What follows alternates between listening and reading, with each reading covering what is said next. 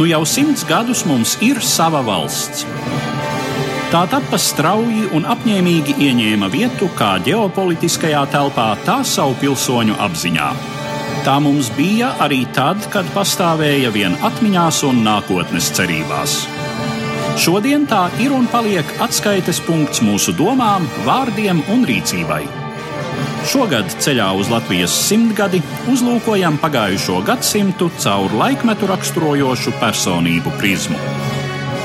Raidījumu cikls Gadsimts ar savu valsti ēterā katra mēneša pirmajā trešdienā Latvijas Radio 1. Labdien, cienījamie klausītāji!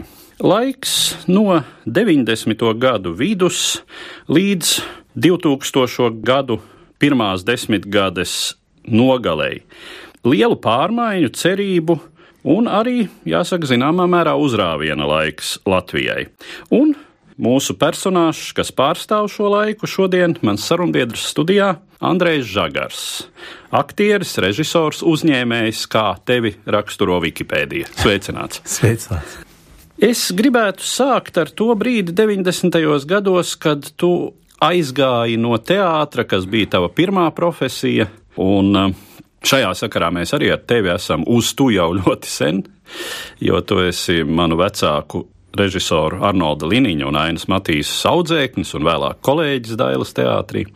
Bet 90. gadi tas bija laiks, kad, diemžēl, tas teātris, kas bija izveidojies padomi laikā, jaunajos apstākļos cīnījās par izdzīvošanu un Katram bija jāpieņem lēmums, vai viņš paliek teātrī vai nē. Es tajā brīdī īsu laiku strādāju kultūras ministrijā, un tad konstatēju tādu faktu, ka aktiera mēneša alga tobrīd bija ekvivalenta honorāram par apmēram pusotras minūtes reklāmas laika ierakstīšanu. Jā, 65 lati kaut kur.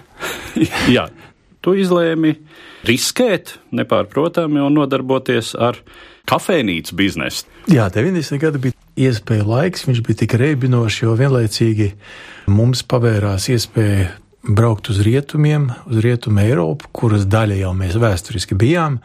Un tā kā es biju aktieris un uh, aizgrābts un ļoti zinātnākārs par kino un teātru un arī par mūziku, tad es, protams, tajos braucienos bieži tie bija Berlīna, jo bija arī vagons Rīga Berlīna un Stokholma. Es braucu uz tiem tuvākajām pilsētām, kur varēja baudīt tādu kvalitatīvu teātri pārsteidzoši, un bija pēdējās Bergmaņa izrādes Zviedrijā vēl, bija Māca Eksa izrādes, bija Reibinoša operas izrādes Berlīnē, Gets Friedrichs un Kupfers kā režisori spridzināja tā, teiksim, to tradicionālo operas pasauli. Un vienlaicīgi Latvija deva iespējas sākt nodarboties ar uzņēmējdarbību, mainīt, ielikt kādā pilnīgi citā vilcienā, ko tu neesi darījis. Un teātrī bija tāds tā kā samulsums un teātra aktierim 80. gados, pirms mūsu atkārtotās neatkarības, nu, bija kaut kāds tāds status, un mēs bijām tā tādi domas paudēji, mūsu nacionālās neatkarības paudēji šifrētās zīmēs, mākslas zīmēs, kur režisori ar savu fantāziju radošo garu mēģināja iešifrēt, un bija kaut kā tāda motivācija, mēs nevis nodarbojamies tikai ar aktieru profesiju, bet mēs ieliecīgi bijām tādu inteliģentu, garīgi, aktīvu cilvēku kopā, kuri grib kaut kā mainīt šo pasauli. Un tajos 90. gados visas iespējas un arī varbūt tie centieni kaut kā savādāk pagriezās un bija jāizdara izvēle. Un tā kā varēja sākt nodarboties ar uzņēmējdarbību, bet es sapratu, ka es nevaru ne nodarboties naftas produktu eksportu. Ko daži kolēģi dara? Jā, ļoti veiksmīgi. Vai, teiksim, es ar skaudību skatījos, kā aktīvs meitenes, kuras ir bijušas administratoras simfoniskiem orķestriem Pēterburgā vai Maskavā, brauc uz Kaļiņģerānu zāģēt, teiksim, zemūdens un pārdot uz Angliju, un drīz kļūst par orķestra administratoriem Londonā. Tā kā tāds iespēja laiks, un es biju aizrāvies ar operu, jo opera Latvijā bija diezgan tradicionāla, un tā kā dēls teātris bija ļoti, manuprāt, aktuāls, gan 70. gan 80 gados ļoti dzīves.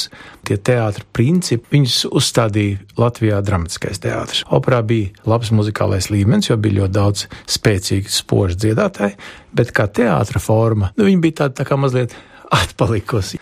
Un tad es smēlos tajās novitātēs vai progresīvajā operas režijā. Es aizrāvos Stokholmā Folksoperu, bija un Royal Opera, un Berlīnē ir trīs opera teātri, Komisopera, Deutsche Opera un Štātsopera, un sanāca tā, ka vienmēr aizbraucot, tur varēja kaut ko tādu nopietnu redzēt. Un tā uzņēmējdarbība bija vienkārši tāda kā drošība, es biju aktīvs cilvēks, Savat vienīgais, ko es tā varu vienkārši darīt, aktieriem piestāv kafejnīca, veidināšanas biznesa, un es arī iekļaušos tajā kustībā, lai tās padomju sabiedriskās ēdināšanas tradīcijas mēs varētu laust un pavērst labākajos, varbūt, rietumu standartos. Man arī bija tāda apsēstība, ka mēs arī esam eiropieši, ka mums arī jāmainās ne tikai politiski, ekonomiski, bet arī sadzīves kultūrā.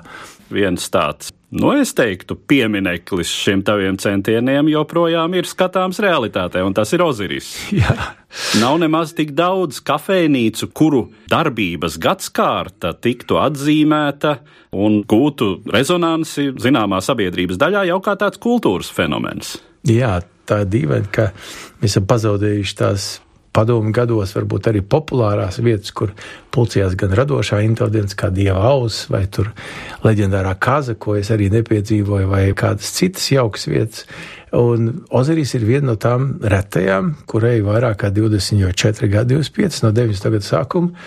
Toreiz Soros fonds saprata, ka viņiem vajag grāmatveikalu, ka tas, kas varētu Latvijas sabiedrību un jauniešiem dot tādu nopietnu ieguldījumu, būtu pa pieejamām ceļām iegūt labu literatūru.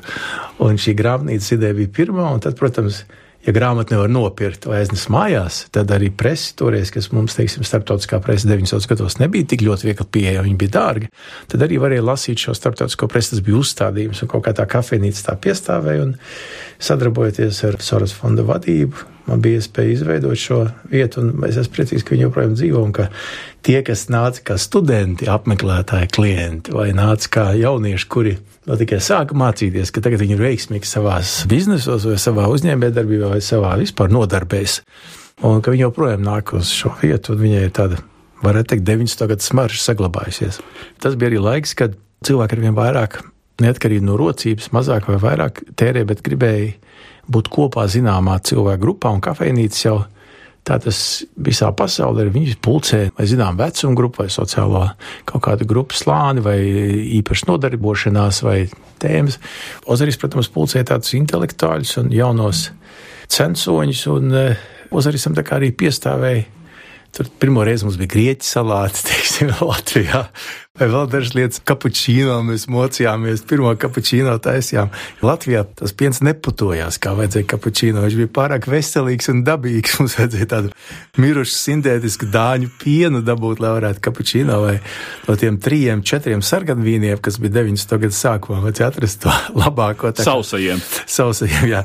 Tā kā mēs arī mācījāmies, tā bija daļa no tādas Eiropas kultūras, ko mēs, diemžēl, padomu laikos bijām pazaudējuši. Kafejnīca arī pulcēja brīvdomātājus vai cilvēkus ar tādu intelektuālo kapacitāti, grāmatveikals blakus. Nu, tā bija tāda tiešām apbrīnojama saliņa. Un viss bija tā kā vēl priekšā, visas mūsu lielās pārmaiņas bija priekšā. Mēs dzīvojam tādā patīkamā rebonī, ka ir noticis tas vēsturiskais fakts, kam īsti mēs neticējām, ka mēs esam kļuvusi atkārtot brīva valsts, un ka viss mainās un attīstās varbūt ne tik ātri, kā mēs gribējām tajā laikā, bet es dzīvoju tādā absolūtā rebinošā optimismā, un tās iespējas, ko varēja redzēt un darīt un mainīt, piedalīties, kā saka, Latvijas izaugsmas maiņā, katrs savā sfērā, tas bija tāds īpašs 90. gadu sākumā. Un šķiet, ka apgrozoties tur tajā vidē, kur kafejnīcā regulāri arī savu sanāksmju datumos iegriezās Soros fonda padomas locekļi, tur bija Andris Vilks, tur bija to brīdi Valentīna Freimane. Droši vien kaut kur tur, tai vidē arī radās ideja, meklējot tajā brīdī vadītāju nesen atjaunotajai Latvijas Nacionālajai operai, ka tas varētu būt tu. Kāda bija tā pirmā saruna, kad tev tika izteikts šis piedāvājums? Jā, 96. gads bija tā, varētu teikt, ārkārtīgi aizrāvies ar operas žanru, un, kā jau es minēju, tā bija Berlīne. Aizbraucot jebkuru nedēļas nogali, var redzēt dažādas izrādes, dažādas rokrakstus. Un manis jau pieminētais Gets Friedrichs un Kupfers, tie bija tādi vācu operas tēvi, radās jau tad pēc tam nākamā paudze. Un tas man bija tāds kultūras šoks, ka operas žanrā var būt tik spēcīgi dramatiskās mākslas darbi. Tagad, teiksim, ka opera var būt ne tikai muzikāls pārdzīvojums, bet arī teātris pārdzīvojums. Tam bija tāda jauna kaislība. Un, protams, Rīgā atbraucot, vēlās vakar stundās Ozirisā, tiem, kas bija aizkavējušies, vēl tādi apmeklētāji, mēs arī dalījāmies. Visi jau stāstīja, katrs savu ceļojumu. Tad jau nebija tā, nebraucām jau katru nedēļu, un katrs, kad kaut kur atbrauc, tad stāstīja, ko ir redzējis, kas ir baudīts, zināms. Nebija arī sociālie tīkli, kur varēja tik ļoti viegli apmainīties ar informāciju. Tad es arī, kā kaislīgs cilvēks, būdams, dalījos vienmēr savos pārdzīvojumos un piedzīvojumos, ko tad es operē esmu redzējis un kādu katrs es esmu guvis. Un pašam man kā aktierim bija lielākais pārsteigums, ka es sapratu priekš sevis, ka izdziedāts vārds, ja viņš ir ar paskaņu tembru, pareizā intonācijā, bez falšuma vai bez intonācijas problēmām, balstīts uz emociju vai augšējā nots, kas tiek dziedāta ar emocionālu kaut kādu kulmināciju, ka viņi spēj iedarboties uz tevi kā uz skatītāju spēcīgāk kādreiz nekā izrunāts vārds. Jo, protams, palīdz mūzika, orķestris, 60, kādreiz pat 90 orķestra mūziķi bedrē. Un ka tā iedarbība uz skatītāju, ka viņi ir vēl spēcīgāk, bieži vien tā kā dramatiskā teātrī. Un manas kaislības un pārunas dzirdēja arī toreiz premjerministra padomniece kultūras jautājumos Helēna Demakova un Soros fonda administratora Brigita Borga. Un e, viņas tā saskatījās, klausījās man nakts stāstu pēc kārtējās masku balvas verdi izrādes Berlīnē, ko es biju noskatījies. Saskatījās, un es sapratu, kaut kā tāda sazvērnieciska skatienā notiek kaut kāda vienošanās, ka viņas ir izsnējuši kādu problēmu, tad vēlāk jau es sapratu, ka viņas ir meklējuši kandidātu atjaunotajai operai kur gada laikā jau no 95. gada līdz 96. gadam bija divi vadītāji, bijuši, bet es nekad, es tiešām nevarēju noticēt vai pat sapņot, ka es tajā laikā ar savu izglītību, ar savu prasmi un iemaņām varētu vadīt lielu kultūras institūciju. Bet uh, Helēna man vakarā neko neteica. Man tikai toreiz bija pager. Pagers bija tāds tehnoloģiju avangards. Ja tā bija pagers, tu jau skaities tāds biznesmenis. Biznesmenis, jā. Atnāca man īziņa, ka man jābūt no rīta ministrs kabinetā. Pirmdien 9.15 no rīta caurlaida būs.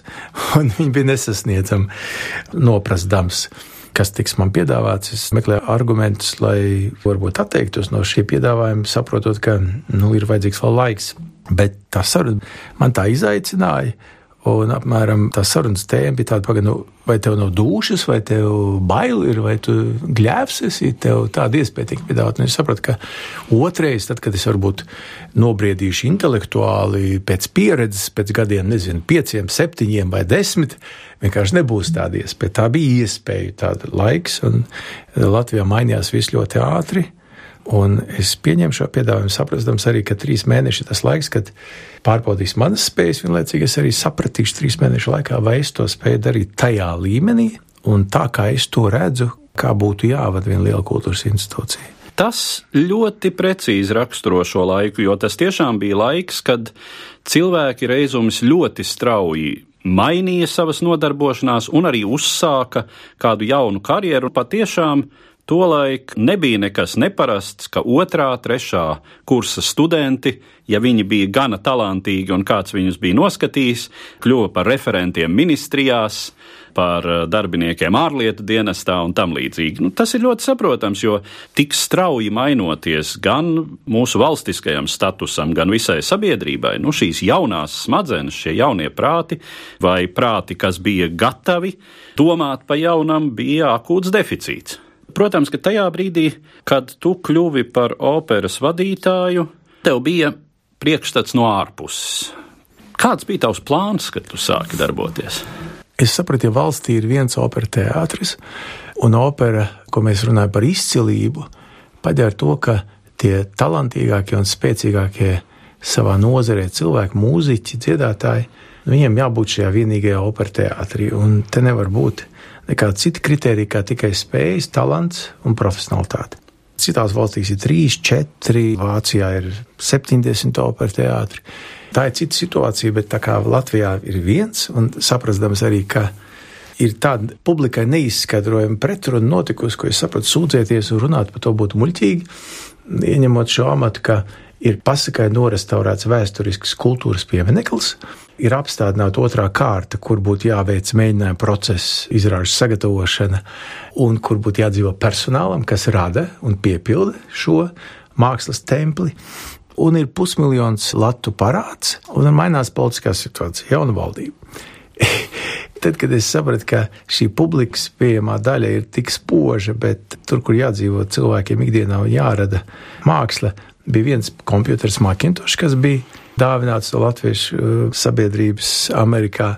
Nepietika elementāru lietu kabinetos, vienkārši bija apstājies procesa operas iekārtošanā. Ļoti grūti bija veikt aprēķinus un pierādīt valdībai, ka iegūstot šādu vēsturisku ēku, ar ko var lepoties, jo pat daudzās attīstītās Eiropas valstīs tik labi nebija saglabājusies vēsturiskā opera teātris ka viņš jāpiepildīja vajadzīgo saturu, un ka piecus gadus operas nams, kamēr bija slēgts remonta laikā, ka trupa ansamblis vienkārši bija noguris gaidīt. Un tas ir saprotams, ja kurai radošai kopai, vai tas ir uh, dramatiskais teātris vai muzikālais, kāds teātris vai orķestris, ja viņam pieci gadi jāgaida savu skatuve un jāstrādā tādā pusrežīmā, radot vienu izrādi, un dēls teātris bija ļoti pretimnākošs un deva iespēju šo vienīgo izrādi, ko arī radīja, vai tā bija Bohēma vai Salome, parādīt dēls teātrī.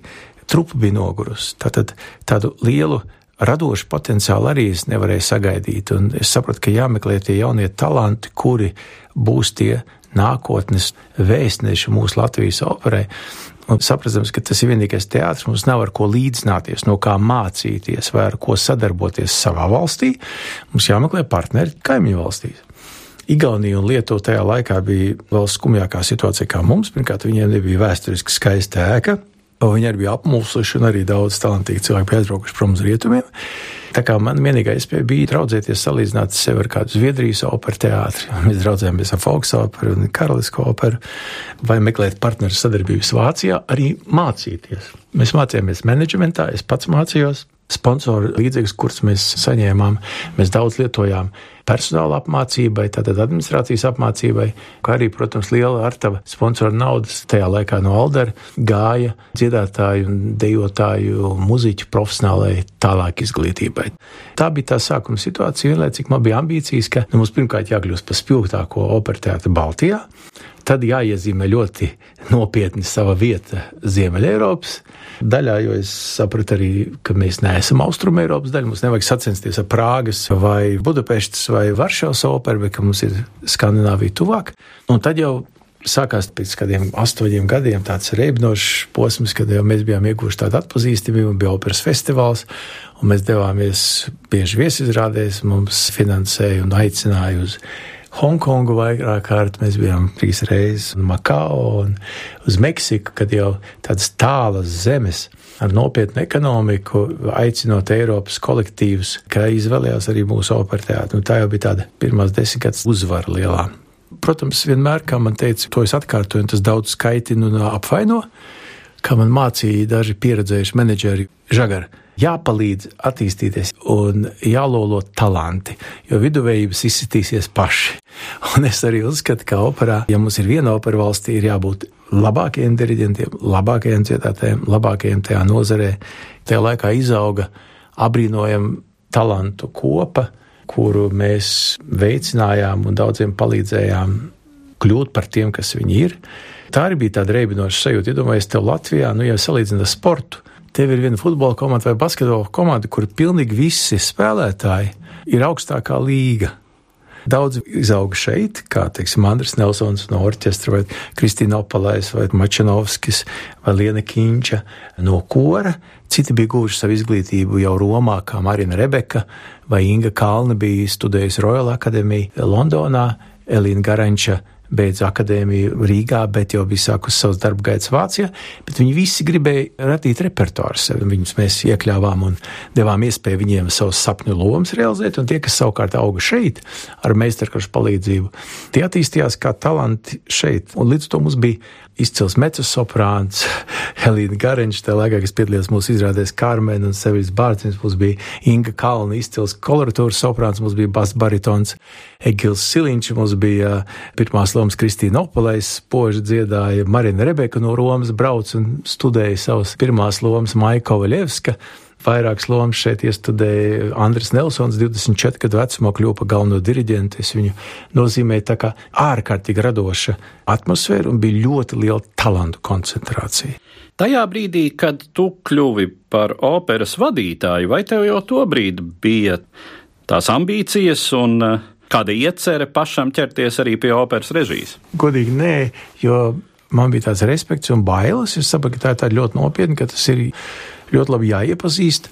Un arī tā aizņemtība un prioritātes, kas bija pirmajos septiņos, astoņos gados, neļāva iespēju vispār nodarboties ar to. Un kaut kur 2003. gadā bija pagājuši septiņi gadi kopš es kļuvu par direktoru. Tad septiņi, astoņi gadi tas cikls, tev ir jāmaina nodarbošanās, vai jāpakāpjas pa karjeras kāpnītēm, vai kaut kādas izmaiņas. Un man arī bija tāda krīze, ka es sapratu, ka kaut kur 2003. un 2004. gadā jau bija Rīgas 800 gadi, jau mums bija ārzemju ceļojumi, jau operā bija daudz kas mainījies.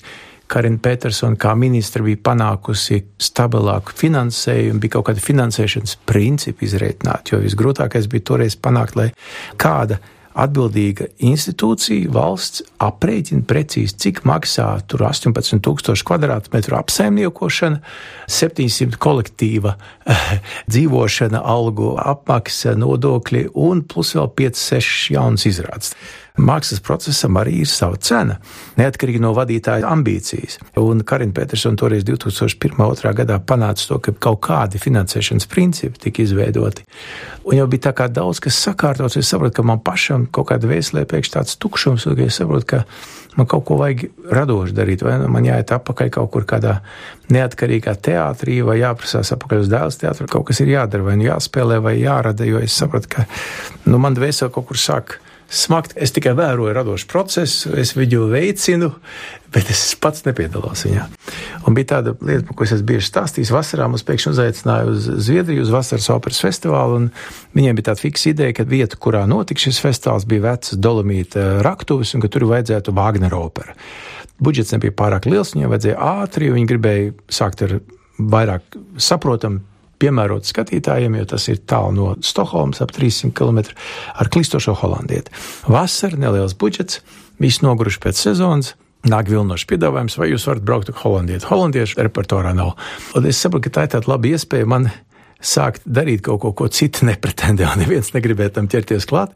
Jo jāmēģina bija pagalmā, jo skatu bija pa mazu. Šī skatu, kas bija brīvā dabā, bija ļoti liela un kaut kā tāda liela fanātiska aizrautība. Toreiz ar Katrīnu Neiburgu kā video mākslinieci, jaunu, talantīgu, un Andriņu Freiberu kā scenogrāfu un Kristīnu Pasteņu kā mākslinieci. Mēs tā ātri radījām konceptu, ļoti minimalistiski vienkārši, un toreiz arī Man jau bija diezgan laba intuīcija, es jau redzēju, kuri kādi labi dziedātāji, un toreiz Igils Siliņš vēl nedziedāja Vāgner lomas, viņš dziedāja vairāk Rosīni, Hendel, tādu vieglāku repertuāru. Un mēs atradām Pēterburgā Nikīķinu izcilu basu baritonu, kas tagad ir vadošais Krievijas basu baritons, kas dzied Vāgner repertuāru visā pasaulē. Un tā bija viņam debija holandiešu lomā, un mūsu ieva Kepe, kas bija burvīga zenta. Mēs bijām uz tāda radoša pacēluma spilvena Un ātrā laikā to izrādu uztaisījām. Zviedrijā nolika tādu eksāmenu pret kompāniju, trupu kolēģiem, ka nu, žagars var nodarboties ar šo profesiju. Tas, protams, bija riskanti. Man pat mēģināja kādu atrunāt, ka izgāšanās, ja tu esi vadītājs, varbūt ir diezgan smaga. Bet tā kā Vācijā tas bija diezgan ierasts un intendanti parasti arī bija režisori, tad tas pavēra man ceļu uz režijas sākumu. Tad, kad es tā rakstīju kādreiz CV, tagad jau, kad man jāskaitās, man sanāca, ka man ir 24 iestudējumi 13 valstīs bijuši. Tās salasījušies pa tiem 20 gadiem. Un tas bija, protams, jauns tāds posms manā dzīvē. Tas nebija viegli apvienot administratīvo darbu ar radošo, bet eh, it sevišķi, ja to darīju ārpus Latvijas, tad kaut kā tā norobežojies. Tad arī bija tādas uzvaras, kas ļoti spārnoja. Tur bija pīķa dāma ar Aleksandru Antoņienko, ko es nepieminēju, bet kas jau tad brieda par tādu ļoti nopietnu dramatisko tenoru, tādu pasaules karjeras potenciālu. Tur bija Kristīna Opelēs, kas bija ar apbrīnojamu skatuves, harizmu, valdzinājumu. Tur bija tāds kolektīvs, un mēs uztaisījām pīķa dāmu, un Financial Times toreiz pēc festivāla mūs novērtēja piecām zvaigznēm. Tas bija tāda pirmā lielā starptautiskā uzvara, un tad jau to izrāda aicināja gan uz Bordeaux, gan arī uz uh, Luksemburgu, vai Lēdija Magdalena Censkas, kur arī Antonija bija Sergejs un Kristīna Opalais bija Katarīna. To mums uzaicināja savukārt uz Hongkongas festivālu. Nu, bija arī tādas uzvaras, kuras tā kā spārnoja un deva visam kolektīvam, man arī kā režisoram, tiesības un arī tādu elpu radošam lidojumam. Cik lielā mērā tomēr tas, ka tev bija jāapvieno abas šīs funkcijas, radošā un administratīvā, galu galā bija iemesls tam, ka tava darbošanās Latvijas Nacionālā operā noslēdzās, un varbūt noslēdzās ne tā, kā tu pats to būtu gribējis. -hmm. Mēs kā kolektīvs ar savu kvalitāti augām ātrāk nekā pieauga mūsu finansējuma apjoms.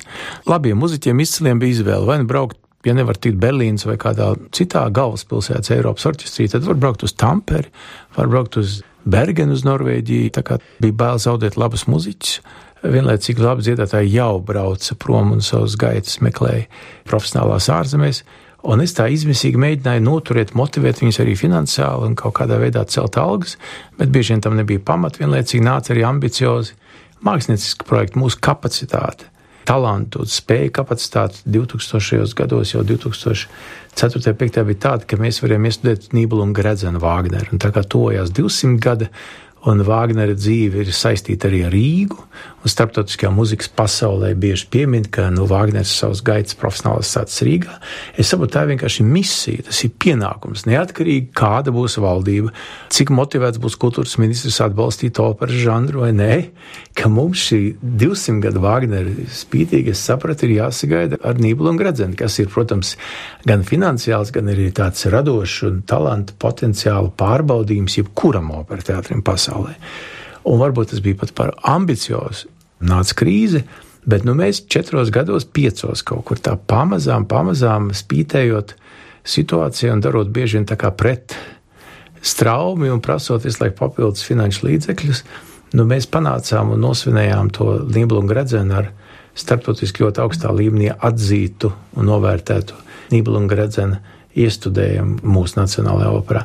Es sapratos kaut kā tomēr 17 gados, ar dažādiem ministriem, ar dažādu, varbūt, redzējumu kultūras attīstības vai kultūras ainas, bet mēs vienmēr atradām dialogu. Vai bija mazāk naudas vai vairāk, diemžēl ar ministru pēdējo mums neizdevās atrast dialogu un kontaktu.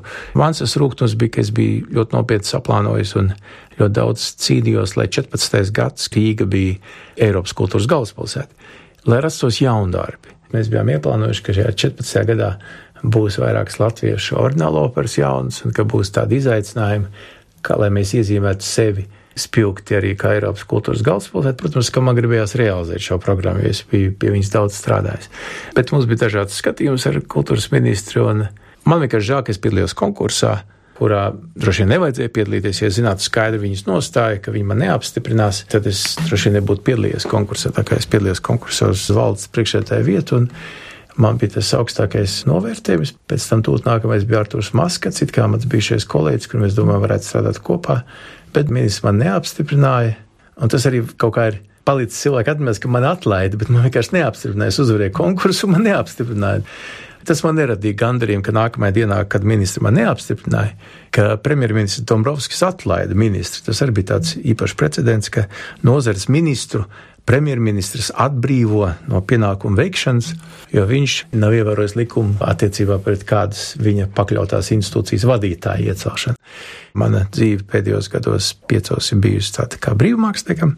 Es esmu iestudējis operas Hongkongā, Maskavā, Erevānā, Polijā, Čehijā un nodarbojos ar producēšanu, nodibinājis fondu. Man bija prieks, ka es varēju, kā saka, savam tādam zināmā mērā lolojumam, Kristīna Opalē, sakārtot uztaisīt tādu lielu tūri, trīs koncertus. Tas, ka mēs tagad strādājam Gevanthaus orķestri, un Andris Nelsons pēc sešu gadu pārtraukuma būs Rīgā ar divām koncertu programmām.